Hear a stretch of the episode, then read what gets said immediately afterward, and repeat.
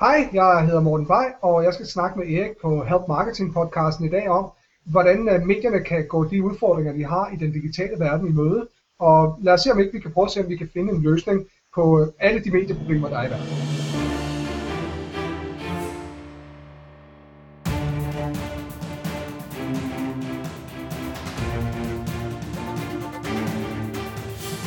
Det her er Help Marketing podcasten lavet for dig, der arbejder med digital marketing, salg og ledelse, og som gerne vil opnå succes ved at hjælpe andre. Jeg hedder Erik Sings, og Help Marketing produceres af min virksomhed Lachmark. Det her er 18. afsnit, og det er en slags mennesker og medier på B1. Vi taler nemlig om mediernes udfordringer og løsninger. Fokuset med Help Marketing er, at vi skal blive bedre til at hjælpe hinanden. Et, fordi det gør hverdagen rar, og to, fordi det er i mine øjne den bedste måde at skabe succes for sig selv og andre på, fordi man opbygger værdifulde relationer. I dag har jeg besøg af Morten Bay, og det er anden gang, han kommer forbi. Vi taler om relationsmarkedsføring i afsnit 5. Det kan man gå tilbage og lytte til. Men inden da vil jeg gerne dele ugens content marketing værktøj med dig. Ugens content marketing værktøj er sponsoreret af IBA Erhvervsakademi Kolding. Gå ind på mitiba.dk help marketing, og her finder du uddannelser som web content designer, web marketing manager og diplomuddannelsen i digital markedsføring. Du kan tage uddannelserne enten i Kolding eller i København. Så overvejer du en uddannelse inden for digital markedsføring, så skal du gøre dig selv den tjeneste at se på forbi mitiba.dk-help marketing. Og ugens kontomarketingsværktøj er Facebook Debuggeren. Når du poster et link i en Facebook-update, henter Facebook automatisk billeder og tekst ind fra din side. Det sker via Facebook Open Graph, hvis det er sat op på din hjemmeside. Men af og til har du brug for at ændre billede og tekst på din hjemmeside. Og efter en opdatering på din hjemmeside, forstår Facebook desværre ikke med det samme, at du har lavet den her ændring. Og det er fordi Facebooks cache skal renses. Og her kommer Facebooks gratis debugger-værktøj ind. Kopier dit link ind i værktøjet og klik Clear, og så glemmer Facebook dine tidligere data og indlæser de nye. Samtidig med får du også en oversigt over de data, som Facebook læser ind, inklusive metadata og eventuelle fejl, som Facebook-mailer, du har på siden. Så prøv Facebook debugger værktøjet på developers.facebook.com-tools-debug. Tak til IBA for at være sponsor på ugens content marketing værktøj. Se alle de gode værktøjer samlet på nokmal.dk-tools. Derudover vil jeg nævne Patreon. Hvis du får værdi ud af Help Marketing, kan du nemlig give værdi tilbage ved at gå ind på patreon.com-eriksings. På den måde er du med til at fonde podcasten, og du kan kalde dig for min chef. Men mere om Patreon senere. Når du nu lytter til dagens interview med Morten, så skal du vide, at det blev optaget i efteråret 2014. Men pointerne er lige så valide som i efteråret 2014. Det havde været fedt, hvis der var sket en masse ting siden da, men ikke helt. Så hvis du arbejder hos et medie og lytter med, så vil jeg lægge mærke til udfordringerne og de løsninger, som vi taler om for medierne. Hvis du til gengæld arbejder med content marketing, så vil jeg lægge mærke til alle de gode ting, som medierne gør, og blive inspireret af dem. Og måske bliver der også plads til mere samarbejde mellem medier og content marketing på sigt. Det håber jeg virkelig. Så tag jer hand på, når du lytter med her i interviewet med Morten Bay. Yes, jeg sidder endnu en gang sammen med uh, Morten Bay. Det er, uh, du er vist den første, der, uh, der gæster uh, Help Marketing to gange. Men Morten er forfatter, for eksempel til bogen uh, Velkommen til Computopia. Derudover er han uh, freelance journalist på uh, Politiken og uh, tidligere konsulent inden for uh, digitale, ja, alt stort, alt stort set inden for digitale medier og skriver Ph.D. om emnet i dag. Vi skal tale om digitale medier, medier generelt, USA og Danmark. Du sidder jo i LA. Velkommen til. Tak. Nu øh, forklarer jeg lidt. Måske du lige skal tage to sekunder og forklare, øh, hvad det er, du laver. Som du selv nævnte, så har jeg jo en baggrund i at have, have lavet en del konsulentvirksomhed for forskellige digitale mediekoncerner. Herover har jeg for eksempel, øh, hvis vi skal kigge på det digitale medie, jeg arbejdede meget for Aller, da jeg boede i Danmark, men herover der har jeg arbejdet med NBC og PBS og Los Angeles Magazine øh, og, en, og en del andre, øh, som, som jeg har, har hjulpet på forskellige måder. Øh, og, øh, og så, øh, men det er jeg sådan holdt lidt op med her i de sidste par år, fordi jeg er gået i gang med at læse igen, så, og jeg er ved at læse en Ph.D. i informationsstudier, øh, at tage en Ph.D. i det, øh, hvor jeg primært fokuserer på øh, digitale, den digitale kommunikation generelt, og, hvordan, og, og data, og hvordan, hvordan data kan blive, øh, og information kan blive retfærdigt fordelt i verden. Og så øh, er jeg samtidig øh, associate researcher, eller tilsluttet forsker, må det jo være den direkte, den direkte oversættelse, på Kleinrock Center for Internet Studies på, øh, på UCLA, som er et center, der, der, der simpelthen ikke laver andet end at, at studere internet på alle mulige forskellige øh, øh, måder. Du er i hvert fald den rette mand til at øh, tale om øh, forskellen på, øh, på medierne i Danmark og øh, USA. Lad os dykke direkte ned i tingene. Dit syn på forskellen på danske medier, og det kan være lige fra tv, internet, print, bøger, whatever, til tilsvarende i USA. Hvor, øh, hvad er de største forskelle? Ja, jeg vil sige, at den første forskel, største forskel på, øh, hvis vi skal kigge på sådan mediemarkedet bredt, så er det, at, øh, og, og det kan desværre have noget med volumen at gøre, at der herover er mange flere, øh, hvad skal vi kalde det, individuelle eller små eller sådan øh, disruptive øh, medier, som popper op i øjeblikket øh, og, og har meget stor succes. Jeg vil sige, der i Danmark, der er det måske lidt sværere at få volumen på øh, og få en forretning ud af at starte sit eget, sine egne medier eller sit eget medie. Øhm, og det, det, det gør en forskel. Mit yndlingseksempel øh, lige i øjeblikket er Chris Hardwick, som øh, er en gammel, han er, han er tv-vært oprindeligt, men startede så for nogle år tilbage øh, en podcast, der hedder Nerdist, som handler om alt, hvad øh, hjertebegærer og nørdede ting, øh, primært baseret omkring øh, underholdning. Og han, øh, han er selv stand-up-komiker også, og så han har en masse stand-up-komikere inde i podcasten typisk. Øh, og det er, udover at være hylde morsomt, så er det utrolig befriende at lytte til, og hvis man som mig har en, en, øh, en stor interesse i nørdede ting, så, øh, så, er det, så er det helt fantastisk. Men det, som Chris Hardwick har gjort, som jeg synes er rigtig interessant, det er, at han har udvidet det, øh, det er nærmest blevet et lille medieimperium, øh, og han har gjort det hele baseret på den her podcast. Nu producerer de tv-udsendelser, de laver, øh, de er, han er selv vært på øh, noget herovre, der hedder At Midnight, øh, altså At, øh, snabelag, øh, som er blevet en, en kanon succes, og som han producerer ud fra sit øh, sit, øh, det kører på Comedy Central lige efter øh, John, John Stewart og Stephen Colbert's show. Øh, og det, det, det har han kunnet, fordi at han har lavet en podcast. Øh, og det vil sige, at han har simpelthen bare sådan ene mand bygget det her medieimperium øh, imperium op, baseret på noget, som ikke kostede noget at lave. Det, det synes jeg var en interessant tanke. Og, det, øh, og den, den type mediebaroner, eller hvad man skal sige, sådan individuelle medierebeller, vil jeg hellere kalde dem, dem er der sgu ikke så mange af i Danmark. Nej, der er også øh, det amerikanske eksempel på øh, det der Recode, som er sådan et, øh, et tech-medie. Nej, det er godt eksempel. Hvad hedder han? Walt? Walt, Walt ja, præcis, præcis. Ja. Øh, og Kara Swisher, så vidt jeg husker. Rigtig gode eksempler. I Danmark, Metro Express, dagens, altså det er jo opblomstrende, det har for rigtig, rigtig meget øh, trafik, men det er også ret bredt i sin tilgang, så det er ikke ligesom du siger her, hvor der er et meget snævert fokus. Uh, og indtil videre vil jeg også sige, at uh, Help Marketing ikke er helt så stor endnu, så, uh, så jeg kan konkurrere med nogle af de andre medier. Men, men man kan sige, at det, det der er karakteristisk ved de to medier, du nævnte der, det er, at det er jo, det er jo, typ, det er jo sådan den klassiske forretningsmodel i virkeligheden. Med ja. folk, der har inde i ryggen en eller anden organisation og en, og, og en række, en gruppe af mennesker omkring det. Det, der er det spændende ved både Nerdist og, og Recode, som du nævner, er, at de begge to kommer ud af den øh, øh, sådan, hvad skal vi sige, etablerede medieverden. Chris Hardwick var MTV-vært på, han var jeg tror det var MTV, hans, hans show kørte på, da han var teenager. Og Walter Mossberg og Carl Swisher, som du nævnte, de var på Wall Street Journal før, på Wall Street Journals digitale side, der hedder All Things Digital.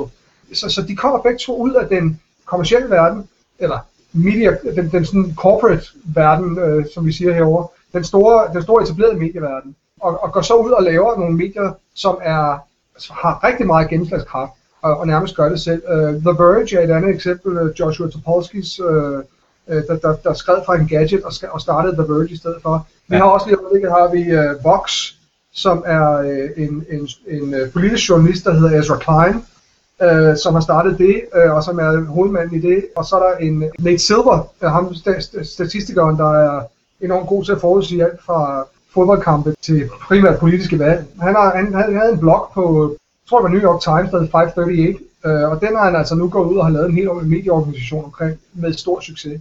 Ja. Øh, og så er der selvfølgelig den helt klassiske, det er The, The Daily Beast og Huffington Post, som jo bliver startet af Ariana Huffington og, og Tina Brown.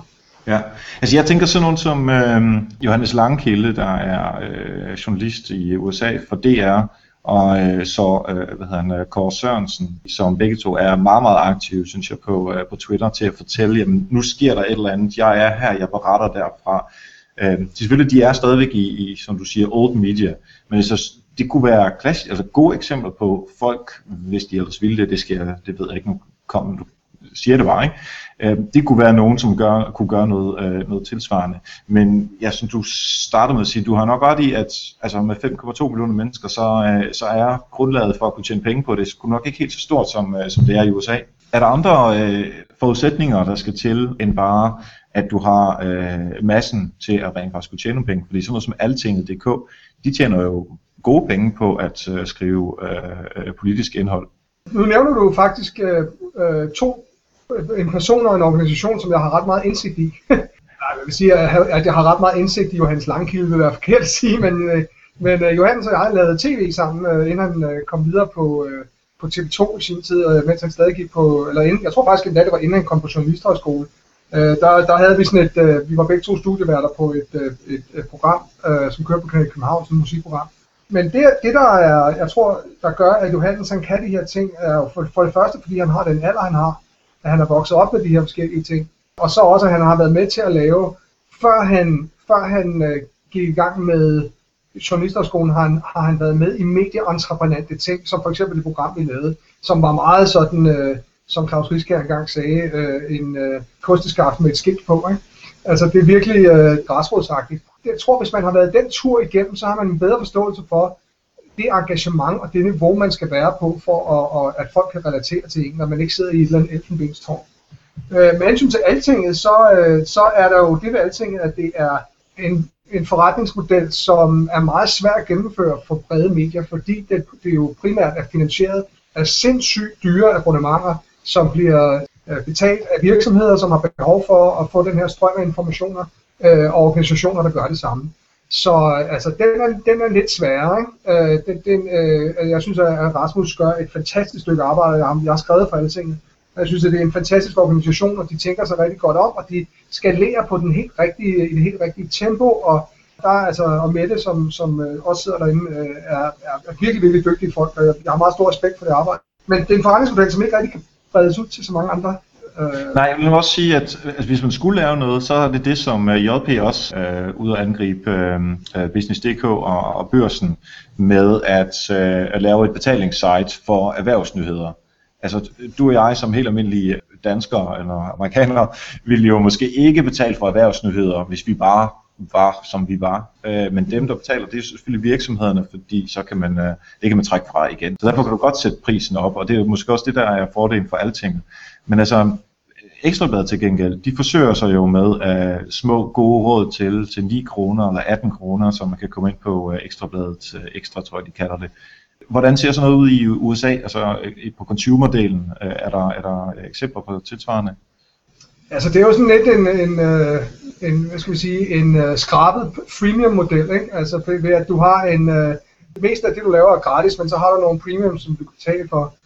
Jeg vil sige, at øh, jeg, jeg, jeg, jeg kender ikke øh, så meget til på succesraten for, altså, for, for, for det. Øh, politikken gør det vist også, og, øh, og Berlingske har også øh, gjort det. Og jeg ved faktisk ikke, om det, om det virker. Øh, det må jeg sige. Min, min egen mavefornemmelse vil sige, at når man køber det i, i så små bidder til små, så små penge, gør man det ofte. Og det vil sige, så skal man virkelig have en betalingsløsning, som ikke er særlig besværlig, for at det kan virke. Fordi så skal det være det skal mere eller mindre være sådan noget med, at øh, ligesom på iTunes, at du kan klikke, eller Amazon, at du kan klikke uh, en enkelt gang, og så bliver pengene bare trukket på dit kort. Det er jeg ikke helt sikker på, at systemet er til i Danmark endnu, men der er nogle ting på vej, ved jeg, som, øh, som, kan, som kan gøre det blandt andet via, via den mobile platform. Så, så, så betalings, jeg har altid sagt, at det er betalingsdelen, der er den, der er den store uh, hurdle, uh, når, når det gælder den slags ting. Men altså, omvendt... selve det der med at sætte visakort-tallene ja. ind, og så skrive, at det er måned 3, og det er ja. øh, år 17, og whatever. Altså det gider ja. man simpelthen ikke bruge tid på for så små penge. Små penge. Ikke, uh, ikke mere måske et par, et, et, et, højst et par gange om ugen måske. Ikke? Mm. Uh, hvis det skal være en forretning, især et land med 5 millioner mennesker eller 5,5, så skal, så skal man altså sælge en hel del af de der små bidder der. Så jeg, jeg vil sige, at jeg tror mere på, jeg tror mere på store pakker. Jeg, jeg, jeg, jeg vil sige, at hvis JP har den strategi, så er det måske ikke helt ved siden af. Men de er nødt til at levere noget, som virkelig har mere værdi end det, som øh, virksomhederne kan finde andre steder. Fordi det er, øh, og, og det er altså svært i dag, fordi der er så mange forskellige steder, hvor man kan, hvor man kan gøre den slags. Men der, der er faktisk en ting, som, som også øh, i øvrigt, når det gælder content marketing, som jeg ikke rigtig forstår, at danskere ikke gør mere af. Øh, jeg ved, at øh, Rasmus Larsen, der, er, der har øh, flatscreens.dk, som er, som er sådan et nørdet site, for, øh, for, for, der handler udelukkende om fladskærm. Han er begyndt at tænke de her baner, og jeg tror ikke, det er så dumt. Og det er simpelthen at lave tingene på engelsk. Fordi ja, så kan det godt være, at man har et mere begrænset øh, publikum i Danmark, hvis ikke man kan rumme at lave tingene på begge sprog. Men, øh, men man åbner altså for et kæmpe, kæmpe, kæmpe stort marked ved ja. bare at skifte over til et sprog, som alle mennesker stort set taler. Ja, lige præcis. Altså, det er jo en parallel til øh, øh, webshops. Hvis jeg var en webshop, så ville jeg da ikke bare sælge i Danmark. Altså, seriously. Det er 5 millioner mennesker, du kan, altså, hvor mange kan du ikke nå ud i, til alle de andre lande? det er lidt af mulighederne, og de gør det også. Altså Amazon kommer jo også til, til Danmark, jeg ved ikke om de er der endnu, men i hvert fald andre, der kommer til Danmark og sælger her. Så må vi mm. også gøre, gøre det den anden vej. Hvad vi snakker om for fem minutter siden i forhold til uh, disruption, hvor der er nogen, som kommer op og laver noget andet. Hvis, hvis det er svært at gøre i Danmark, Øh, fordi vi ikke har øh, tilstrækkeligt mange muligheder for at sælge vores produkt til, til tilstrækkeligt mange mennesker, hvad med så de etablerede medier? Hvordan kan de enten disrupte sig selv eller øh, konkurrenterne, eller blive ved med at, at, at få, øh, få flere penge ud af de der printmedier eller øh, betalingsvægge. Så hvordan skal de klare sig nu, altså de medier, der findes i dag? Altså jeg, jeg var jo en af dem, som meget tidligt advokerede mod betalingsvægge. Der, må, der har jeg jo måttet æde mine ord, at der faktisk øh, det, der er nogle steder, hvor det virker. Jeg tror, det er en stakket frist. Jeg tror, det er et spørgsmål om, at der er en generation nu, som har været vant til at læse papiraviser, som, øh, som gerne vil læse indholdet på nettet, men, og som er villige til at betale for det, fordi de var vant til at betale for papiraviser.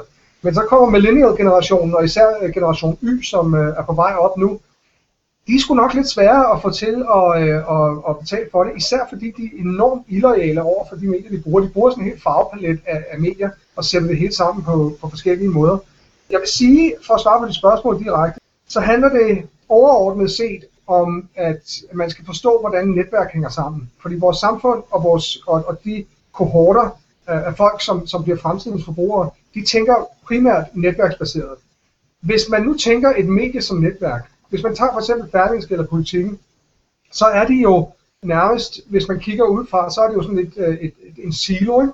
Øh, og silo, det er altså noget, der har, der har sådan nærmest øh, hierarkisk struktur ved at, at det ligesom er et, et center, du skal, du skal besøge for at få en eller anden form for viden. Så du skal egentlig, det, er, det er et centraliseret netværk snarere end et, et distribueret netværk.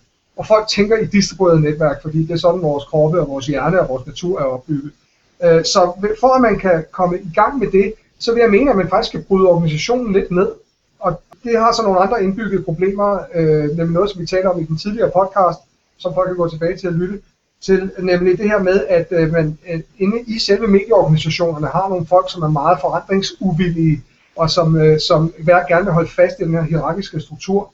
Men hvis man bryder organisationen lidt ned og skaber en masse subbrands, øh, som er mere specifikke mod den målgruppe, som de, øh, som de er, øh, eller som de øh, forsøger at ramme, så tror jeg, man, øh, man er bedre på vej, og man er bedre, man er, man er bedre, og det er det, det handler om primært, man er bedre sådan klædt på til at kunne holde fast i, øh, i de læsere, som man i forvejen har, og ovenikøbet også få dem til at betale lidt for det. Vi vil alle sammen gerne have noget mere specialiseret indhold. Øh, det, det, det der med, at man skal havle igennem alle mulige forskellige andre nyheder for at finde det, der interesserer en, det, det er altså sidste århundrede, ikke? Ja. Så, så det er sådan lidt med, at man har sin, du har din TV2 Zulu, du har din Charlie, du har din øh, Fri og alle de her forskellige ting, som er fokuseret ja. på det, som, som du øh, vil. Og de her kanaler er jo også øh, kendetegnet ved, at det er nogen, der betaler for. Og det er jo ja. også øh, konstant øh, hovedkanalen hos TV2, der, øh, der taber seerne. Det er, det, er, det er et fremragende eksempel faktisk, fordi det er, det er alle sammen, øh, de kanaler, du nævner, er meget specifikke med målgruppen, og, de er, øh, og, det, og det er, de tjener penge, og så er det, og det er så der, hvor jeg, jeg synes, det er mest genialt, det er lavet med hjerte. Altså det er, det er folk, som er passionerede omkring den her kanal, der har lavet det.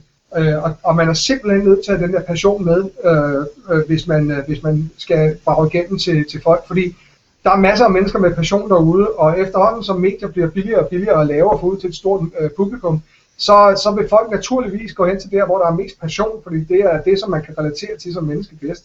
Der kan man sige sådan et brand som Berlingske for eksempel, eller Politiken, eller nogle af de andre store mediebrands, det kan godt være lidt svært, fordi hvem, hvem helvede er, er øh, personaliseringen af politikken? Ikke? Altså, har vi, altså, Tør Seidenfart det var, var det i gamle dage, øh, men, men, men det er lidt sværere i dag, ikke? og der vil jeg sige, der er det måske nemmere, hvis man, hvis man lavede et, for eksempel hvis nu er forbrugerdelen blev lavet af, af og det, det er noget af det, som de folk, jeg sidder med, der sidder nogle folk, som er utrolig passionerede omkring netop forbrugerstoffet, og det, er, og det er en af de mest populære sider på, på politikken, selvom det egentlig måske ikke er særlig meget nyhedsstof.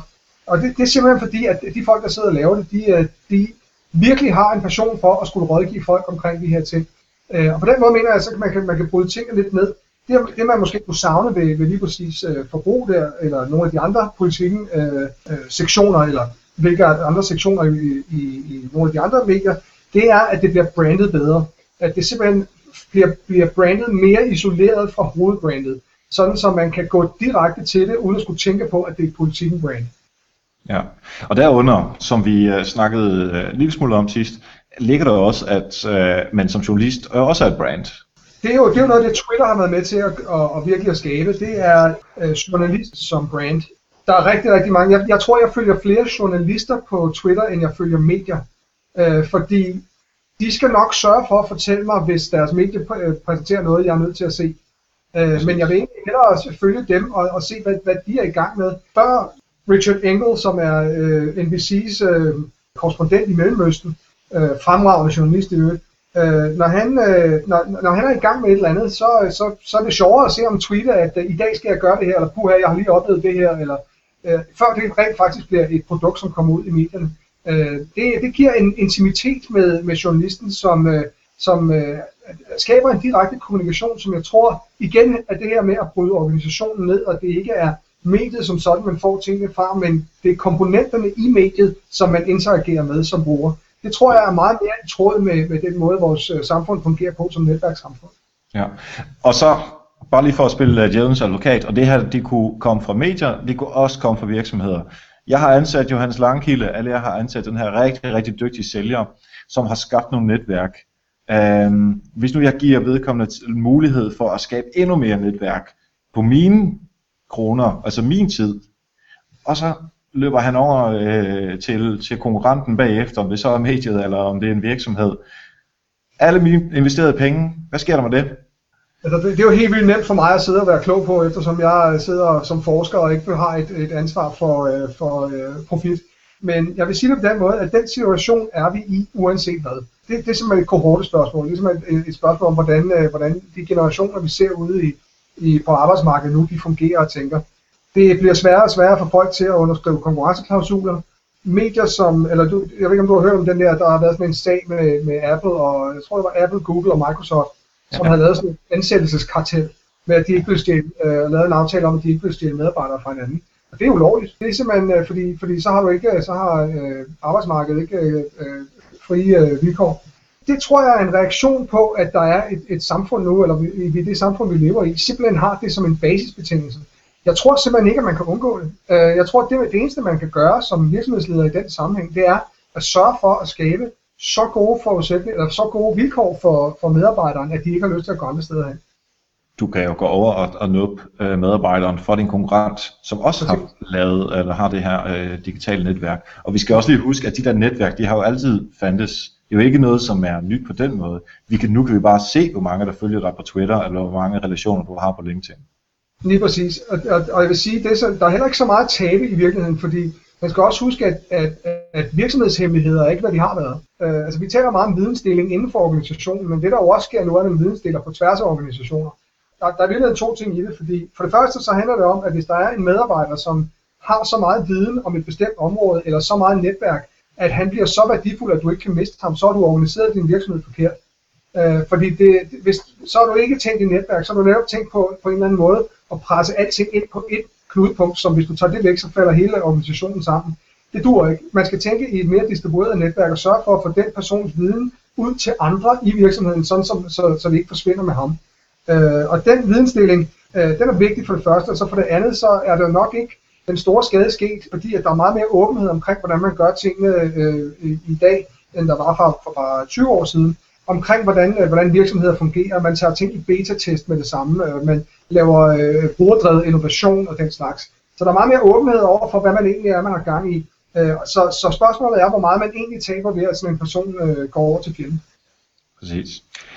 Jeg vil uh, lige tale med dig omkring øh, uh, content marketing og, uh, og medier, hvordan de konkurrerer med hinanden. Uh, det, det har jeg i hvert fald en holdning til, det går jeg også ud fra, du har. Men lige inden vi gør det, så vil jeg lige have lov til at takke alle de gode mennesker, som, uh, som hjælper til på uh, patreon.com hvor man jo kan uh, give en skilling eller to til podcasten her, hvis man, uh, hvis man synes, man får noget værdi ud af at uh, lytte til sådan en, uh, en god mand som, uh, som Morten Bay det er simpelthen øh, det er sådan værdi for værdi-konceptet. Øh, simpelthen. Får du noget værdi ud af øh, podcasten her, jamen så kan du gå ind på øh, patreon.com og give en dollar, eller to dollar, eller fem dollar, hvad man nu synes. Jeg laver podcasten uanset hvad, så det er jo ikke fordi, det er påkrævet, men hvis man synes, jeg skulle godt give lidt til det her, så øh, er man meget velkommen til det. Prøv at gå ind på øh, patreon.com, det er p a t r e o n.com, skråstreg e r i c c i e n g s nu Morten, skal jeg lige fortælle dig, hvad det er, at jeg har været oppe og slås med Danske Medier, altså den organisation, der hedder Danske Medier. Du siger oppe og slås for ligesom at få det til at lyde, som om det var kæmpe stort. Jeg og Ebbe Dahl, som er øh, formand for øh, Danske Medier, vi i øh, business-sektionen øh, på Berlingske, diskuterede, hvorvidt at content marketing er noget, som konkurrerer med øh, danske medier. Fordi et, danske medier, de går efter DR, de må ikke øh, lave indhold på nettet mere, de må ikke det her, de skal, der skal færre penge på, de må ikke lave DR3 og alle de her forskellige ting.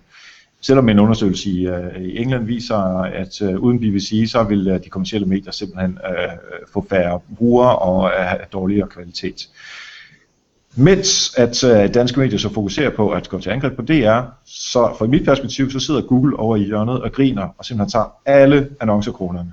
Og så det sidste, Content marketing handler jo om, at virksomheder skal hjælpe og øh, øge kompetencerne på brugerne inden for det felt, som de nu engang arbejder inden for.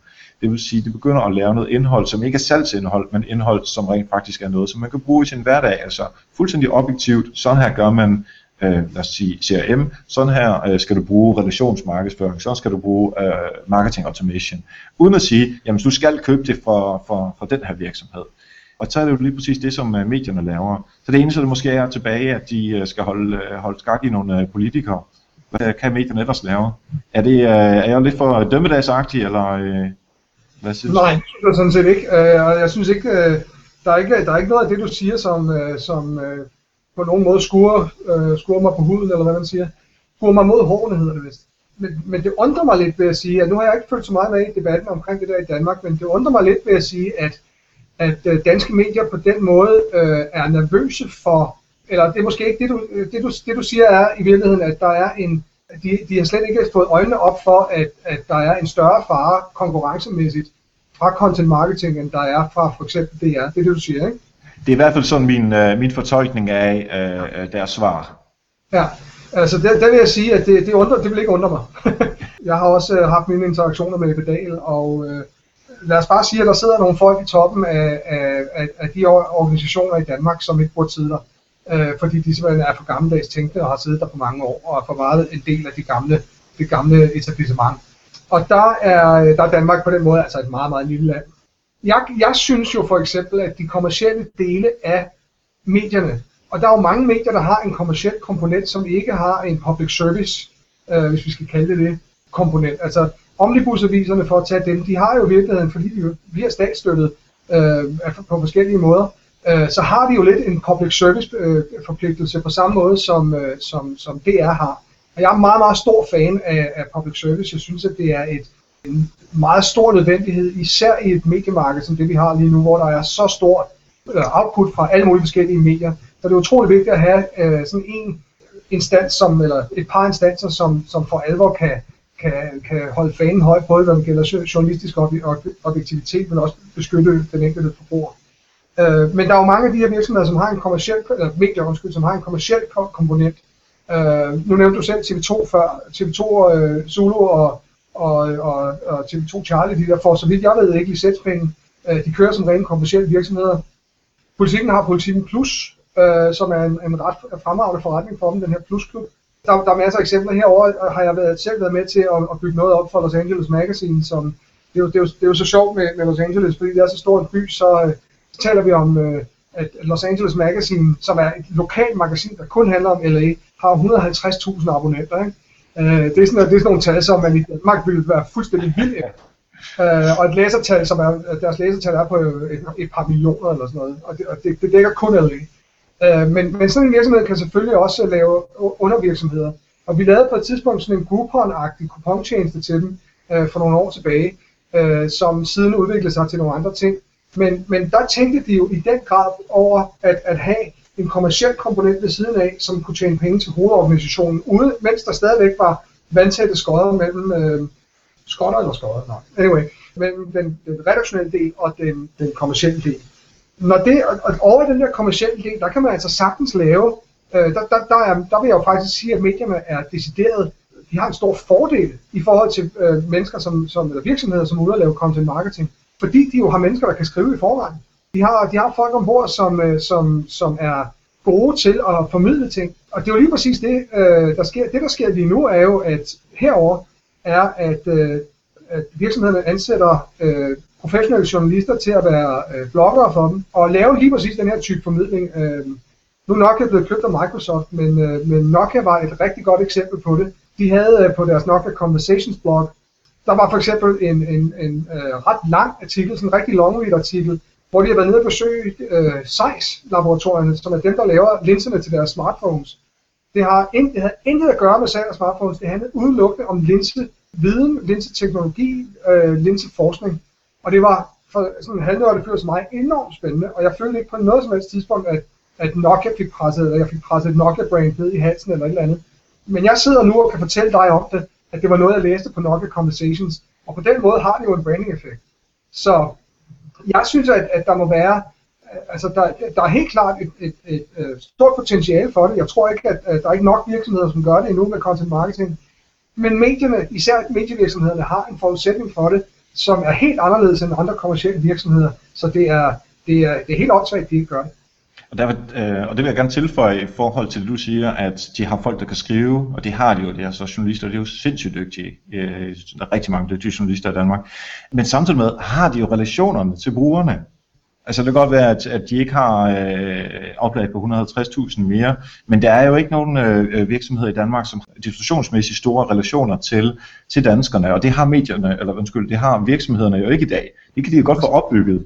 Men indtil videre har virksomhederne har øh, jo lejet sig ind hos medierne for at få taletid øh, til brugerne, simpelthen ved at betale annoncer, eller hvis man var dygtig i PR, så kunne man øh, køre igennem den vej. Men mm. det er jo det der, det der med owned media, altså man, man går ind på sin egen medie og prøver at skabe de relationer.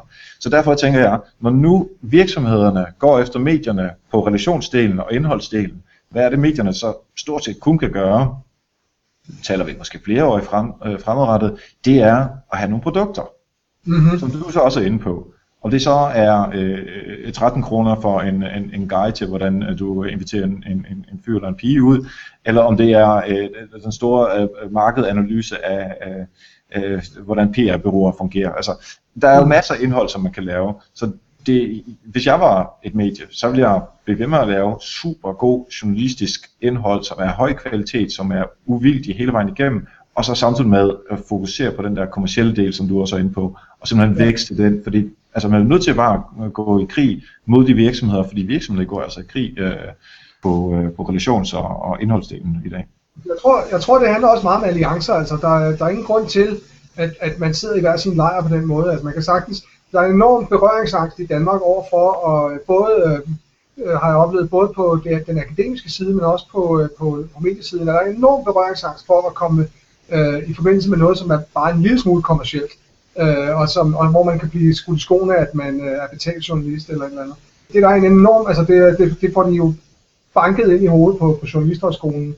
Øh, og det, jeg tror bare ikke, det er den virkelighed, vi lever i mere. Jeg siger ikke, at, at alt skal være, øh, skal være øh, betalte nyheder, øh, eller, eller, eller for den sags skyld, øh, jeg, jeg øh, synes, det er en meget trist udvikling, vi har de her øh, positionerede øh, medier, som sker nu, hvor vi herover har Fox News mod MSNBC, og, og sådan ligesom, der, der, repræsenterer to forskellige målgrupper. Øh, det, det giver en polarisering, der er ikke godt for samfundet. Men jeg kan slet ikke se, hvorfor der ikke skulle være en bivirksomhed, øh, De skulle jo tage og ansætte nogle virksomhedskonsulenter, der kunne starte små faktisk øh, Belkin, som laver, øh, som laver de her laver iPhone-tilbehør og alle mulige andre forskellige. De havde et jobopslag for et års tid siden, som jeg synes var rigtig spændende. De søgte simpelthen en in-house startup entrepreneur. Uh, de søgte simpelthen en, en, en startup-type, som kunne starte øh, projekter op inde i virksomheden, men gøre det på vilkår, som han ville gøre det uden for virksomheden. Det kunne medierne i Danmark godt måske øh, kigge på, og have en, øh, have, finde sådan en eller anden entreprenant-type, som, øh, som havde forståelse for, hvad, hvad, hvad mediernes udfordringer var, men samtidig øh, kunne skabe nye, innovative løsninger, som var en kommersiel driver, som man måske på en eller anden måde kunne, kunne få økonomi i, så, sådan som man kunne få støtte, understøtte den økonomi, det kræver at, at, at lave nyheder. Man kunne ja, høre sådan så... for eksempel jo.